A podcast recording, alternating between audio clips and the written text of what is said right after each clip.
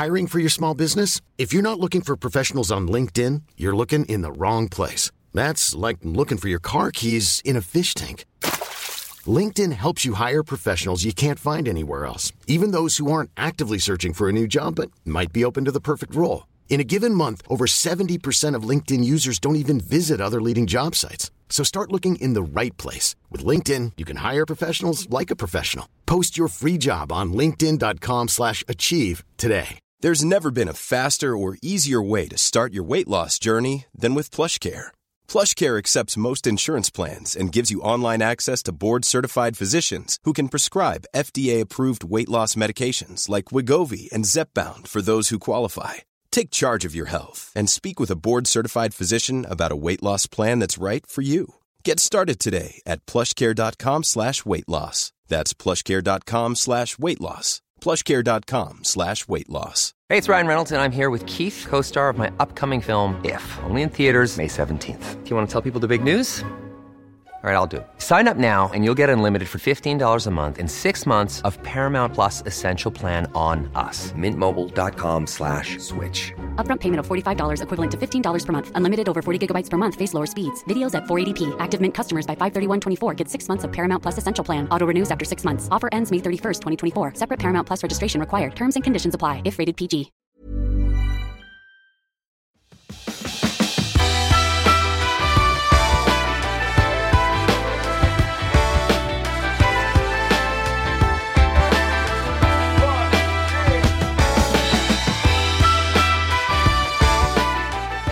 Hej och välkommen till Klimakteriepodden med mig, Åsa Melin. Jag har länge varit intresserad av varför det kan vara så svårt att bryta mönster och hitta till nya vanor trots att jag egentligen vet vad fördelarna är. Vad är det som sätter stopp för det här? Och så kan jag bli sådär galet avundsjuk på vissa som verkar ha det mycket lättare än oss andra. Så nu har jag fått tag på en person som kan hjälpa oss att förstå det här. Och det visar sig att det är hjärnan som spökar. I det här avsnittet så intervjuar jag härliga Bitten Jonsson som är sjuksköterska och beroendespecialist med fokus på sockerberoende. Och det är otroligt spännande med all hennes kunskap som hon frikostigt delar med sig av. I avsnittet så nämns också ett antal olika personer och deras böcker och så vidare. Och det hittar du uppradat på klimakteriepodden.se och på Klimakteriepodden på Facebook om du vill veta mer och inte hinner eller kan notera dem så här när du lyssnar. Ofta så brukar jag träffa mina gäster live, men den här gången så har vi träffats via Skype. Och jag tycker det blev riktigt bra ändå. Så välkommen att lyssna och se vad du tycker.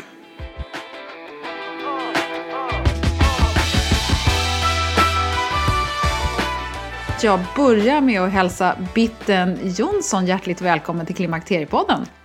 Tackar! Vad spännande att få vara med. Ja, men det tycker jag också. För att du är ju i botten sjuksköterska och sen är ja. du beroendespecialist. Ja. Och du har jobbat väldigt länge och metodiskt med någonting som heter sockerberoende och göra oss kvinnor och eh, barn, föräldrar, mm, hela världen höll jag på att säga, medvetna om vad sockret kan ställa till med. Och det handlar inte bara om eh, i våra tarmar och mage och så, utan det handlar mycket om hjärnkemi. Och därför så tänker jag att det är superintressant för oss kvinnor som lyssnar på den här podden att få ta del av din kunskap. Ja, tackar. Ja, berätta lite mer, för du är sjuksköterska i botten. Berätta lite mer om ja. dig själv. Ja, jag är ju traditionell sjuksköterska, alltså har jobbat som sjuksköterska och klinikföreståndare i ganska många år. Och sen så gifte jag mig med en amerikan och hamnade i USA. Eh, och det här var 1982. Och så småningom så jobbade jag på ett sjukhus där man hade en vårdavdelning inne på sjukhuset för alkoholister, tablettberoende och narkomaner. Och det var ju en chock för det hade man ju inte i Sverige. Det fanns ju torkar på den tiden och knappt behandling i Sverige. Så det var en chock för mig att se att man behandlade det som en sjukdom som alla andra sjukdomar. Eh, till saken hör att jag var ju alkoholist på den tiden och väldigt duktig som många är då på att ljuga, gömma och smyga. Och ville ju inte acceptera det utan jag hade alltid ursäkter till varför jag drack för mycket. Men eh, min dåvarande man han träffade en kvinna som gick på AA så han bad ju henne om hjälp att få mig att dricka mindre och då sa ju hon listigt, hon förstod ju att när någon säger så så är det illa. Hörru du, sa hon, hon är nog beroende. Så för att göra en lång historia kort så hamnade jag på ett behandlingshem i Capistrano by the Sea i Kalifornien. Och det var ett av världens bästa behandlingshem och jag har inte sett eh, något liknande riktigt än ska jag säga. Alltså det var top, top notch. Så där var jag i sex veckor 1985 och eh, jag är nykter alkoholist sedan dess.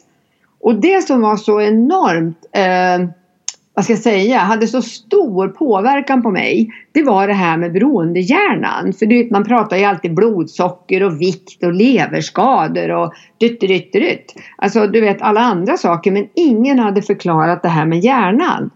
Och en av de läkare som har utbildat mig han säger det att most missed in medicine is the brain. Mm.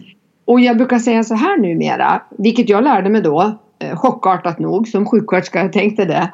Eh, när gjorde du en hälsokontroll på hjärnan sist?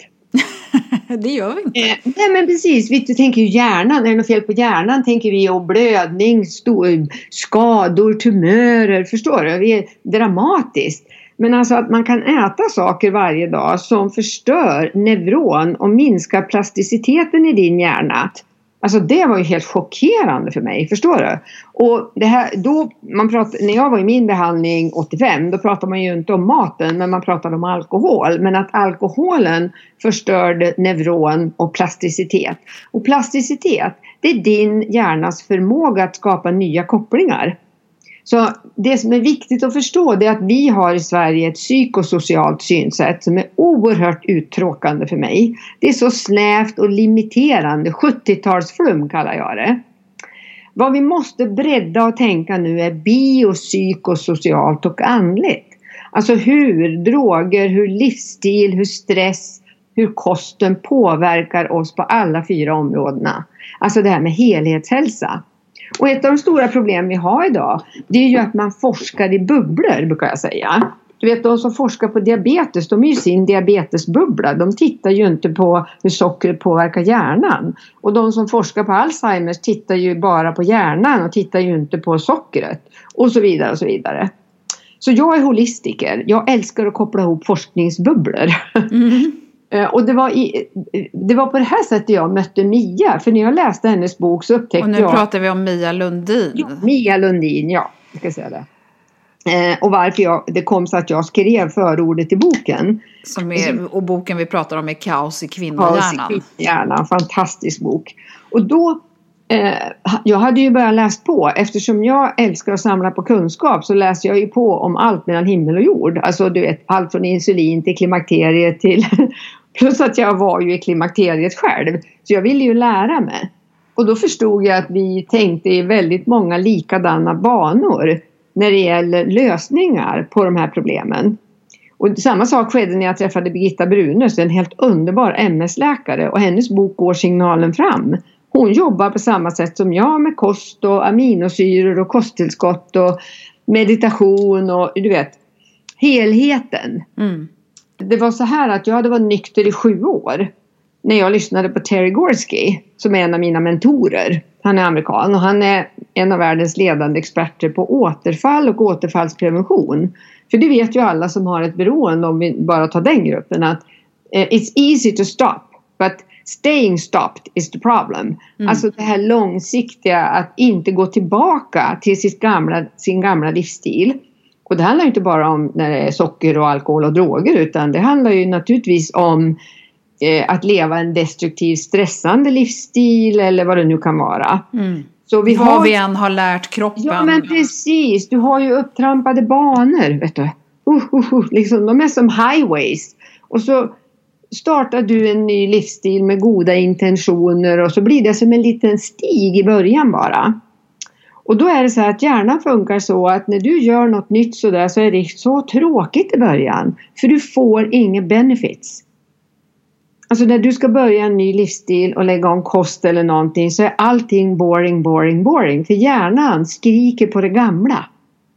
Så det är det här hur man skapar de här nya kopplingarna, plasticiteten. Det är det som är mitt, eh, vad ska jag säga, min mission. Att lära människor hur man kopplar upp en frisk hjärna. Och, och, varför är det här nu relevant just eh, eh, i klimakteriet? Och varför jo. har det med hormoner att göra? Ja, en av de eh, mer fascinerande kunskapsbitarna som jag har med mig och det är en annan eh, författare som heter Christiane Northrup, The Wisdom of Menopause, hennes bok. Så hon skrev så här att när, när vi går in i puberteten, kvinnor, eller unga kvinnor och unga pojkar, då bygger ju hjärnan om sig dramatiskt och det är på grund av just våra könshormoner.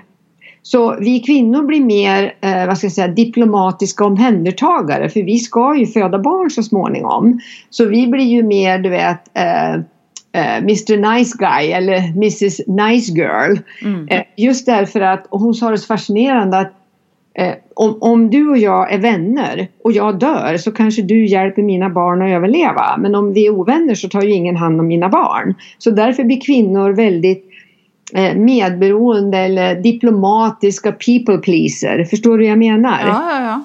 Vi vill liksom, vi, vi, det är viktigt för oss med, med flocken och gruppen och så. Medan killarna, deras hormonbild gör att de blir hunters, ut på steppen och jaga.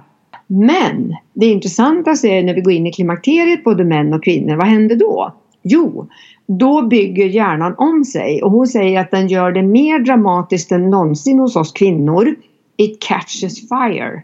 Mm. För då går vi från att vara simultankapacitet, omhändertagare, du vet vän med allt och alla och pleasing, kind. Då går vi till att bli, nu är det min tur. För då sjunker ju östrogen men testosteron ligger kvar. Ja. Och vi blir ju tuffare och mer eh, du vet, gå vår egen väg och göra det vi vill. Och då vill inte vi hålla på att ta hand om längre. Hon drar det så långt att om vi fortsätter att vara de här snälla mm, people pleasing omhändertagarna, då blir vi sjuk, vi blir helt utbränd. Så snacka om att hormoner och klimakterie och pubertet och allt det här har en enorm effekt på oss människor. Och killarna, männen, när de går in i klimakteriet, vilket det pratas alldeles för lite om tycker jag. Ja, det finns ju de som säger att det inte finns något klimakterie. Ja, det var det dummaste jag hört. Ja, ja, ja, ja. Mm, just det. Eh, eh, bara för skratt.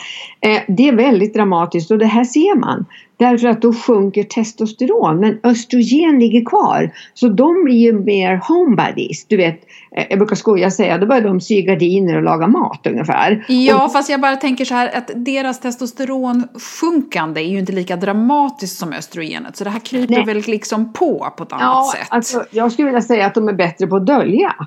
Alltså de har ju sin mansroll. Men jag tror mm. att det händer väldigt mycket som inte vi ser. Och så får man inte prata om det och så vet de inte om det. Men i alla fall, om man då eh, det här skulle man kunna prata jättelänge om, men det ska jag inte prata så länge om. För det här kan man ta reda på på andra sätt. Det är inte riktigt vad jag ska prata om idag. Men det jag vill då förklara att om man då äter skräpmat, socker, fel fetter Alltså till exempel vegetabiliska oljor, processade oljor. Eh, alltså man har fel fettsyresammansättning i neuronerna i hjärnan.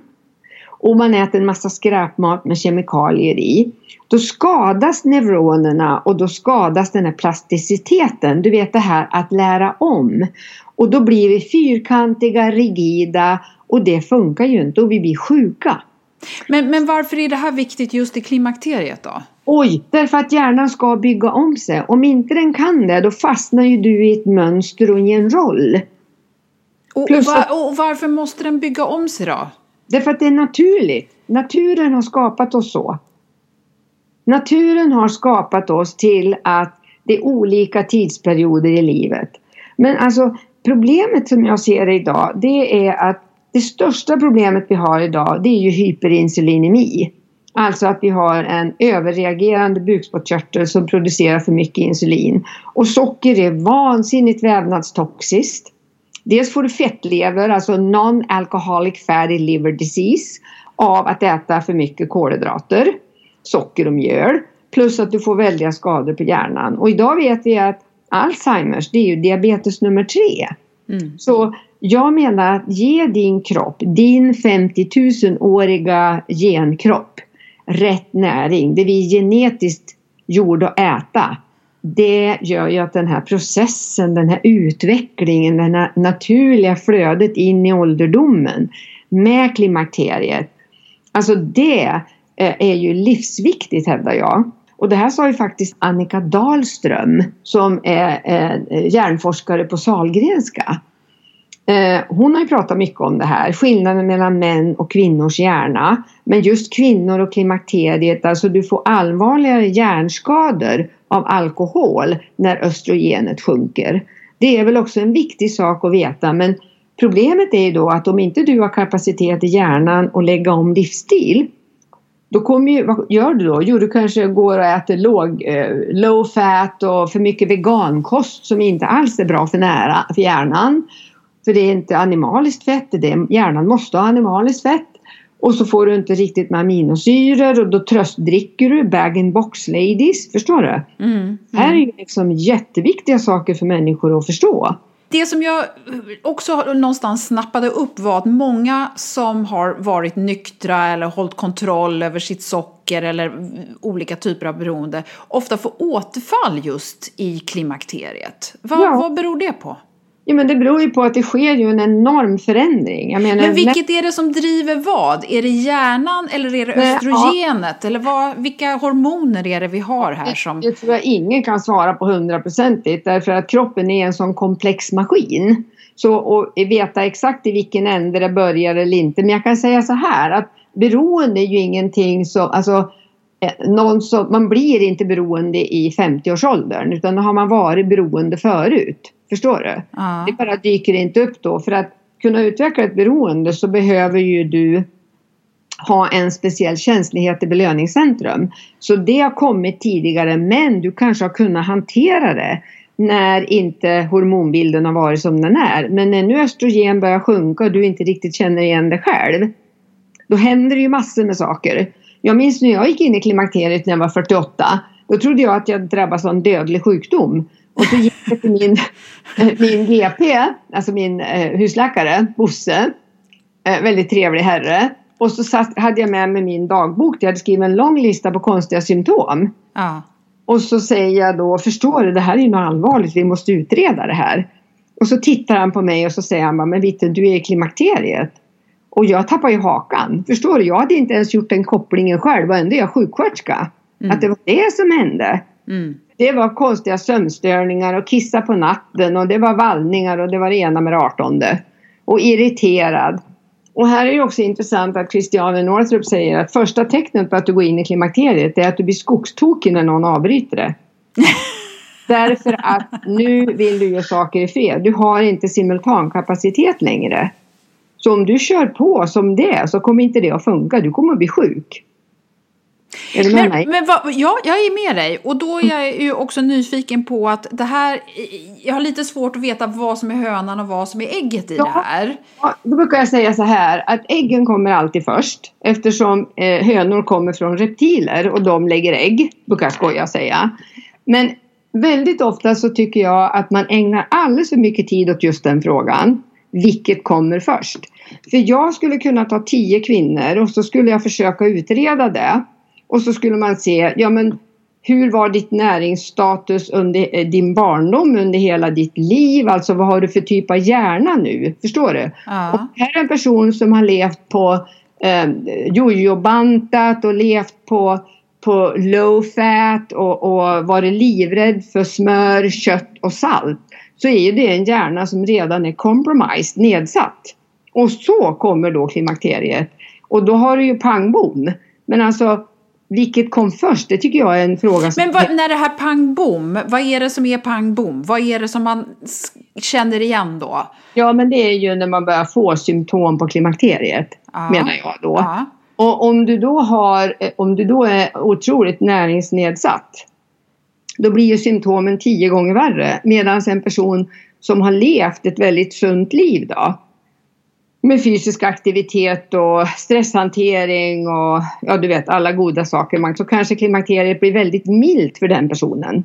Mm. Men klimakteriet kommer så vare, vare sig du vill eller inte. Så frågan är vad som kommer först.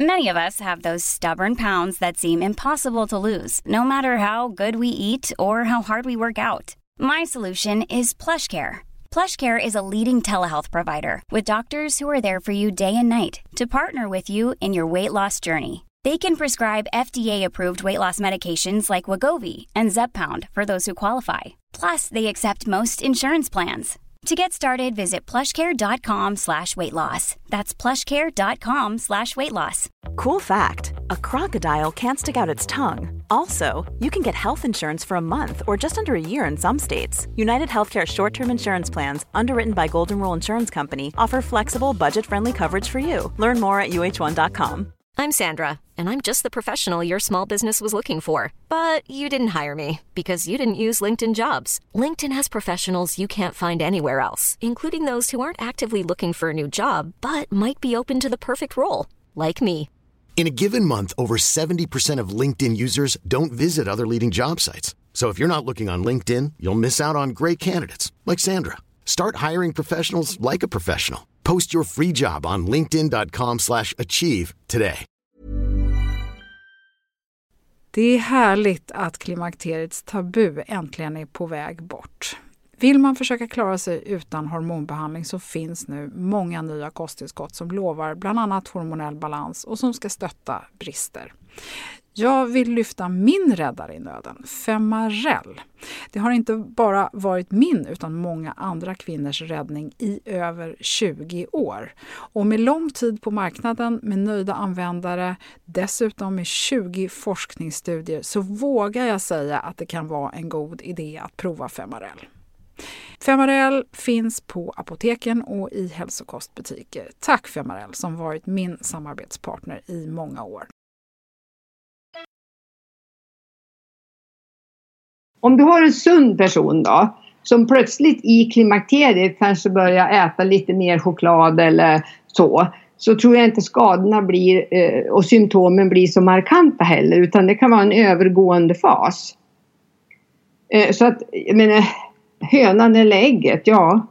Men okej, okay, då, då, då tänker vi så här att om man nu kommer in i det här och man plötsligt känner den här fruktansvärda eh, symptomlistan och så vidare. Vad, mm. ska man då, eh, vad ska man då göra för att hjärnan ska må så bra som möjligt? För att här kommer ju också det här sockersuget och vi blir allihopa stressade över den här valken i mage, eh, runt magen och eh, kroppens fettdepåer bygger om sig och, och sådär. Hur, hur ska vi hantera det här då? För jag menar, vi kan ju inte bara säga så här, nu har jag fått en beroendehjärna som jag måste hantera. Nej, man får inte en beroendehjärna. Den har man haft hela livet. Så det, det är inte så. Utan det är väl, en sak som är väldigt viktigt som få människor fattar, hur mycket jag än har tjatat om det under alla år. Det är att du måste förstå att människor tillhör tre grupper.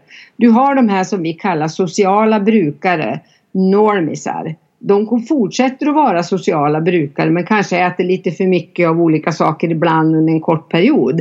Men alltså de väljer hellre gröna äpplen än chokladmousse vilket är helt chockerande i min värld. Eh, men sen har du en annan grupp som heter skadligt bruk. Och de, eh, det är de som tröstäter och känsloäter och stressäter och glädjeäter och firaäter och hej och hå. Men de är inte beroende. Men de kan se ut så på ytan. Men det är väldigt viktigt att vi inte använder diagnosen beroende i onödan. Jag blir jätteupprörd när man använder en så allvarlig hjärnsjukdom som beroende på någon som bara håller på och har dålig livsstil och tycker om att festa eller tröstäter eller ja du vet allt det där. Eh, beroende det är oerhört allvarligt. Där har man alltså total kontrollförlust. Det är en sjukdom som börjar tidigt hos en människa och som hela tiden progredierar, blir bara värre med åren. Men när den här personen kanske har jobb och barn och allting kanske de kan hålla det något sånär schack. Men sen när klimakteriet då kommer då kan det tippa över ända. Förstår du? Mm. Men det är inte så att man blir beroende av klimakteriet. Det är ju en väldigt farlig koppling. Så är det ju inte. Nej. Men, men, men om man känner igen sig i den här typ 2-personen. Skadligt bruk. Eh, precis. Ja. Då, då kan det ju under klimakterieåren på något sätt, i och med att du får alla de här symptomen, så, så ja. är det ju lite synd om dig och du mår inte helt bra och så vidare ja. och så vidare och så vidare. Vi har alla olika ursäkter och vi hanterar det på olika sätt. Ja. Ja, och då, Ja. då tänker jag att för många så blir det då ett glas vin varje kväll för det är enda sättet att liksom jaga ner den här uppstressade Mm. eller det blir lättare att få man måste ha någonting att få unna sig för att det liksom är Mm. så på något sätt man känner att man mår lite bättre. Men du menar att det är inte något Det är det som är det farliga. För att det kommer bara att göra att du mår sämre. Ja, du kommer må sämre, men du kommer inte behöva vara orolig för att bli en beroende person. Ja, det, beror på hur det har sett ut tidigare. Du kanske har haft tendenser till det här tidigare men det har inte blommat ut. va? Men du kanske också fortsätter att ha ett skadligt bruk hela tiden. För det har man ju gjort studier på. Alltså om man av skadligt bru- bruk blir beroende. Eh, och det är ju då väldigt få som blir det. Och då vet man ju inte, var det ett beroende i tidigt skede när man gjorde studien eller kan man bli beroende? Men sen ska du ju ha klart för en sak. Det är ju det att i dagens sockervärld, ja men det för inte länge sedan hade vi 56 namn på socker, nu har vi 300. Dagens livsmedelsindustri har de senaste 10 åren gjort oerhört mycket farligare concoctions. Så det som finns idag ger ju så mycket mer skador. Så det kanske är så att det finns ämnen i eh, vissa saker idag som kan skapa ett beroende hos vem som helst. Det vet vi inte. Vi Nej. vet inte det. Men det vi har sett hittills har det ju inte varit så. Men, eh, det, men det som är det farliga nu det är ju det här eh, High fructose corn syrup, alltså modifierad majsstärkelse. Och det görs ju i många varianter idag, alltså fruktos. Som då ger en hyperinsulinemi, ett väldigt snabbt beroendeförlopp och som ger eh, fettlever. Så om den här personen nu har ett skadligt bruk och börjar göra det här hela tiden så kommer den ju att må sämre och sämre och så tror man att man mår sämre av klimakteriet fast man egentligen mår sämre av det man åt och drack. Ja, så att alltså, om man, om man nu, om nu ska tänka på vad man ska undvika för att må bra och, och vi tar socker som en sak så tror jag att de flesta har klart för sig vad, vad, vad raffinerat socker är, sånt som en del häller i sitt te och kaffe och som man gör när man använder när man bakar hemma och sådana här Men det är saker. ju det minsta, det är det minsta som används idag. Ja, och då pratar du om en massa sådana här farliga saker. Var, var är det de här finns och vad är det man ska undvika då?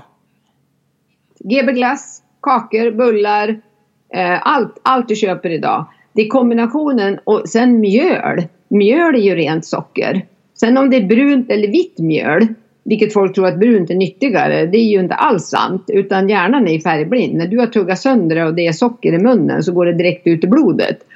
Så det intressanta är att hålla koll på sitt blodsocker och veta vad sticker det iväg av. Alltså egentligen ska du inte äta någonting som har mer än en ingrediens. I ägg är det bara ägg. I smör är det bara grädde. Förstår du? Mm, jag förstår. Och så pratar man ju ibland om det här med, med annan typ av sötning då. Och man pratar ju mycket om rå mat och så vidare. Och då används dadlar och honung och andra typer av sötning. Ja, kejsarens nya kläder. Ja, ger det samma effekt? Ja, ja, samma insulinhöjning, samma förtjockning av artärerna, samma skador på hjärnan. Absolut, självklart. Ja, okej. Eh, många kvinnor lider ju av stress och med det så kommer då de här låga serotoninnivåerna och så har man svårt att varva ner och alltihopa. Och så har vi då de här med socker och andra bedövningsmedel. Va, hur, hur ska vi liksom ändå, vad, vad är det man ska göra? Jag tycker att du, du säger det här med nyttig mat och så vidare, men det är så lätt att säga. Hur, hur liksom ska man ta tag i det här om man känner igen sig i ditt resonemang? Först vill jag säga det också att väldigt många kvinnor har inte låg serotonin, de har låg GABA. Och väldigt många andra har låg dopamin. Och då är det väldigt viktigt att veta att om du har eh, levt på eh, lightprodukter och mycket grönsaker, om du har varit rädd för salt, eller ja, salt, kött och smör, alltså animaliskt protein och animaliska fetter. Om du har varit rädd för det ett helt liv så har du ju alltså brister och förmodligen har du för lite saltsyra i magsäcken. Så när, vissa, när du äter protein så bryter du inte ner det. För största källan till dopaminhöjning och dopamin det är ju glädjemolekylen. Det är ju, den du får, det är ju energimolekylen. Har du för lite dopamin då är det, mm, liksom, då är det ju bara eh, du har liksom ingen, ingen energi. Och om inte du bryter ner proteinet och då kan inte kroppen göra aminosyror, då blir det inga aminosyror, blir det inget dopamin. Förstår du? Så det här är ju många som inte tänker på heller att det inte handlar inte bara om serotonin. Serotonin är viktigt, ja. Binjurarna, kopplingen där, viktig, ja. Men det finns också andra signalsubstansbrister som jag ser. Men det är klart, jag jobbar ju bara med sockerberoende patienter. Men jag kan ju tänka mig att socker och mjöl påverkar kroppen så hos människor som även har ett skadligt bruk naturligtvis. Så att man får alltså en försämrad näringsstatus. Och vad ska du göra? Ja, alltså jag tror att man måste liksom sätta sig ner och fundera på vad är det jag stoppar i mig egentligen?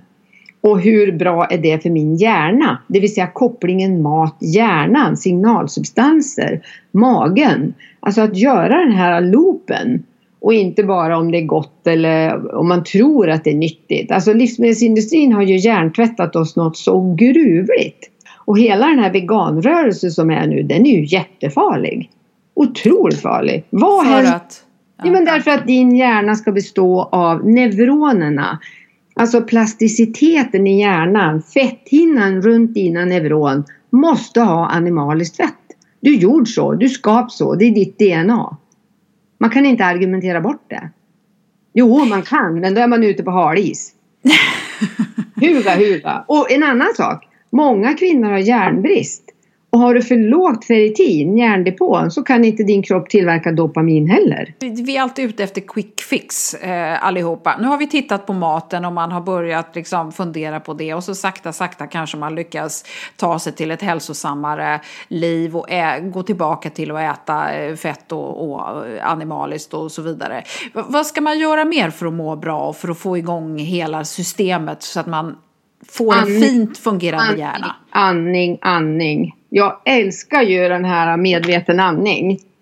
Jag jobbar jättemycket på näsandning. För det är nämligen så här, folk är ju helt besatta av att detoxa. Det har du säkert sett och hört. Och det är detoxpulver och detoxdrinkar och detox hit och dit. Men den enda detox vi ska ha, alltså 60% av all utrensning, naturlig utrensning av din kropp, det är korrekt andning. Och stressade människor överandas, överäter. Förstår du? De överstressar. Så folk har väldigt mycket munandning och stressapné. Och det gör ju kroppen otroligt svag, energisvag. Och jag kan ju tala om för att när kroppen är energisvag så vill den inte ha kokt torsk. Den vill ju ha kanelbullar.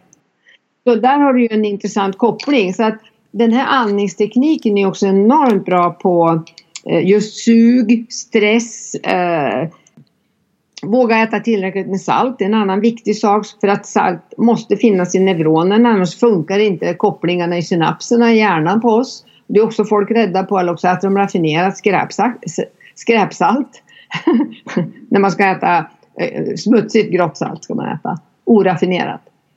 Eh, så andningen är ju extremt viktig och vill man då börja enkelt så börjar man med att lära sig om andningen och tejpa mun på nätterna. För även om man tror att man inte snarkar eller inte har öppen mun så har man mycket mer energi när man vaknar på morgonen när man har tejpat munnen, det kan jag garantera. Och det står jättemycket på andra sidan hur man gör. Jag tycker man skaffar relaxatorn. Så, va, va, nu ska vi lägga upp en länk till den här ja, Anders och den här Medvetenandning.se Mm. Så det, eh, eh, när jag behandlar en patient så det första jag gör korrigera kosten, det andra jag gör andningen och det tredje jag jobbar på är sömnen och det fjärde jag jobbar på är aktivitet, fysisk aktivitet. Och, då, och sömnen är ju jätteviktig och det finns ju otroligt mycket kunskap runt det här med du vet hur vi kan skapa rutiner och varva ner innan vi går och lägger oss och ha, gå i säng samma tid varje kväll och ha det mörkt i sovrum och det finns ju hur mycket kunskap som helst.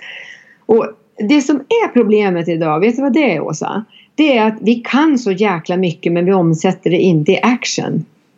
Det vill säga det är mycket snack och lite verkstad.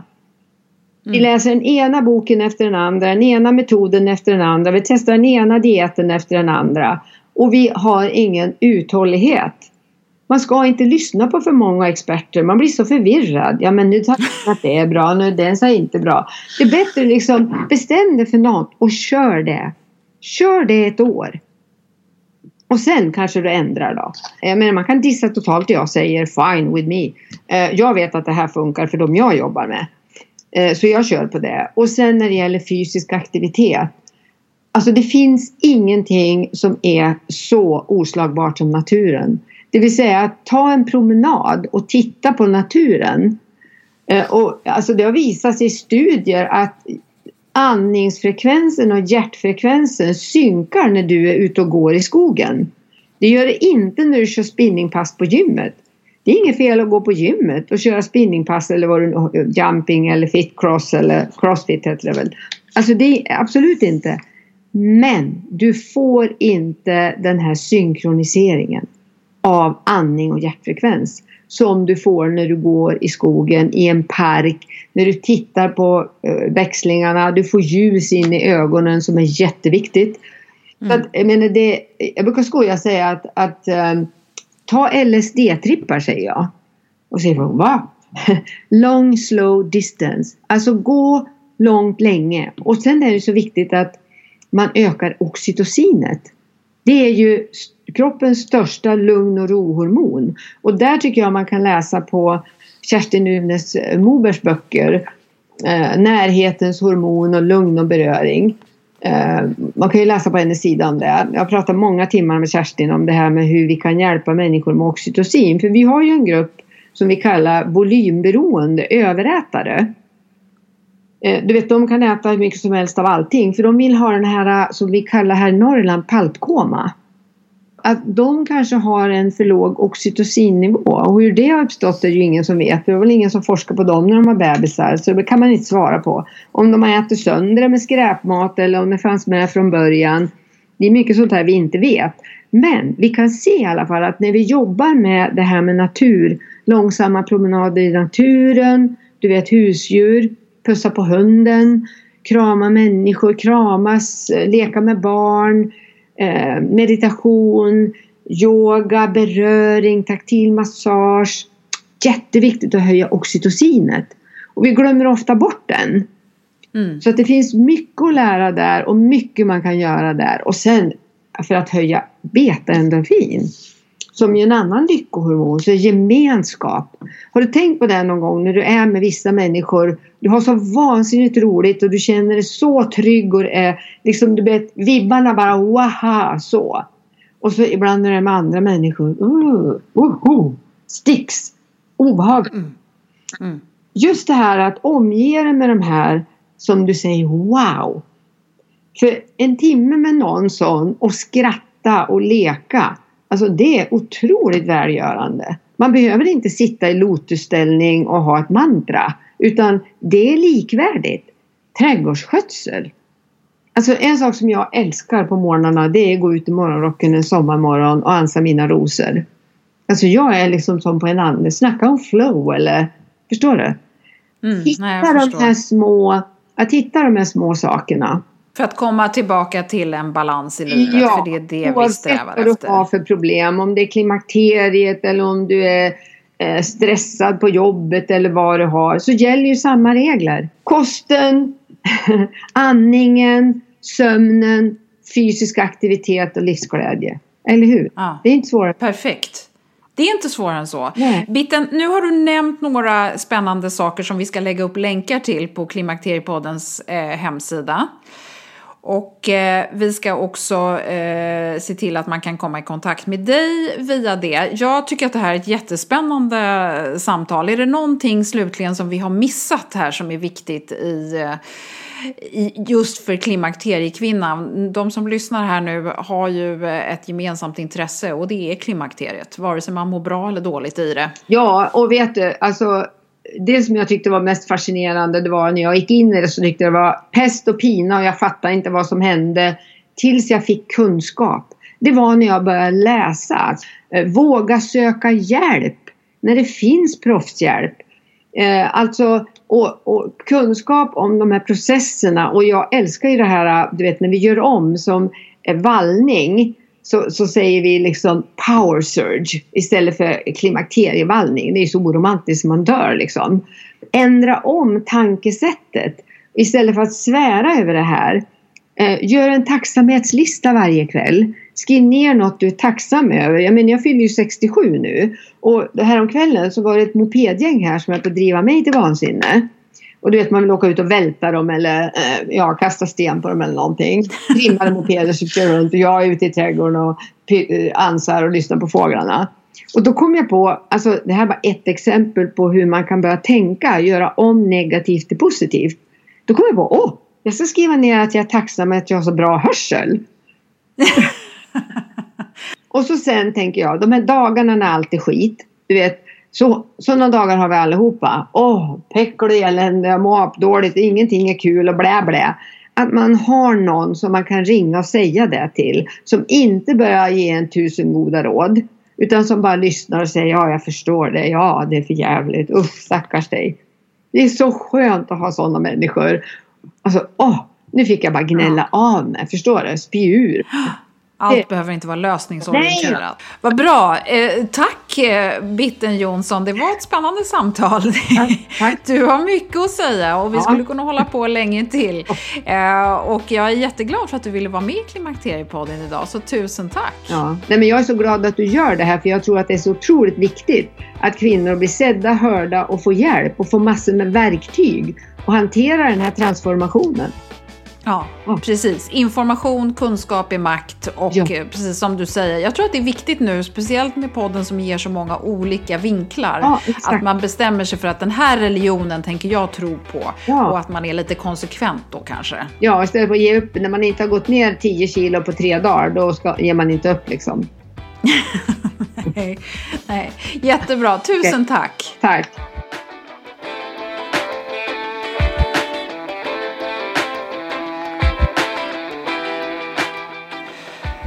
Men det vi får i oss påverkar oss mer än tidigare i klimakteriet och resultatet kan bli lite annorlunda. Jag tycker det är otroligt intressant. Missa nu inte länkarna och alla personer som nämns, nämnts i avsnittet på klimakteriepodden.se och på Klimakteriepoddens Facebook-sida. Vi talade ju också en hel del om hormoner och bland annat så dök GABA upp igen. Och om du vill veta mer om det eh, och inte har lyssnat på Cecilia Tibell i avsnitt 80-81 så går vi igenom otroligt mycket hormonkunskap där och vad som påverkar vad och så vidare. Eva Sanner är med i avsnitt 70 och talar om naturens läkande kraft. Så blev du sugen på att få ytterligare inspiration om eh, varför det kan vara nyttigt att ta sig ut i skogen så hittar du det alltså på avsnitt, eller i avsnitt 70. Och vill du veta mer om alkohol och beroende så lyssna på Camilla Kylenstierna som är med i avsnitt 47. I nästa avsnitt så kommer Mia Lundin äntligen att gästa Klimakteriepodden. Mia är för många kvinnor den som har hjälpt till att förstå vad som händer i klimakteriet och hjälpt till med lösningarna oavsett hur jobbiga eller lindriga symptom man har haft. Hon är en riktig förebild för många. Hon har lämnat sin klinik i Kalifornien för att hjälpa kvinnor till välmående och balanserade hormoner här i Sverige. Så det blir jättespännande att få träffa henne. Och det är klart att du också kommer få lära dig en hel del. Under tiden så får du jättegärna kika in på klimakteriepodden.se. Missa inte att bläddra runt bland avsnitten och se om det är något du har missat. Eller behöver lyssna om på kanske. Facebook och Instagram finns Klimakteriepodden på också och där hittar du också alltid någon extra information. Och vill du komma i kontakt med mig, Åsa Melin, så finns jag på info.klimakteriepodden.se. Stort tack för att du har lyssnat och hoppas du är med snart igen. Hej då!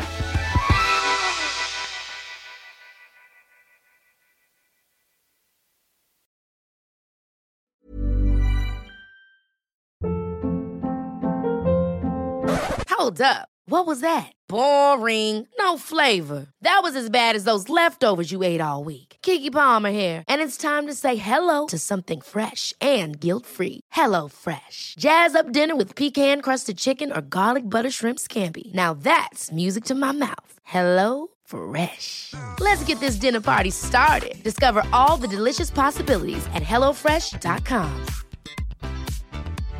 Imagine the softest sheets you've ever felt. Now imagine them getting even softer over time. That's what you'll feel with Bowl and Branch's organic cotton sheets. In a recent customer survey, 96% replied that Bowl and Branch sheets get softer with every wash. Start getting your best night's sleep in these sheets that get softer and softer for years to come. Try their sheets with a 30-night guarantee. Plus, get 15% off your first order at bowlandbranch.com. Code BUTTERY. Exclusions apply. See site for details. Even when we're on a budget, we still deserve nice things. Quince is a place to scoop up stunning high-end goods for 50 to 80% less than similar brands. They have buttery soft cashmere sweaters starting at $50, luxurious Italian leather bags, and so much more. Plus, Quince only works with factories that use safe, ethical, and responsible manufacturing. Get the high-end goods you'll love without the high price tag with Quince. Go to quince.com/style for free shipping and 365-day returns.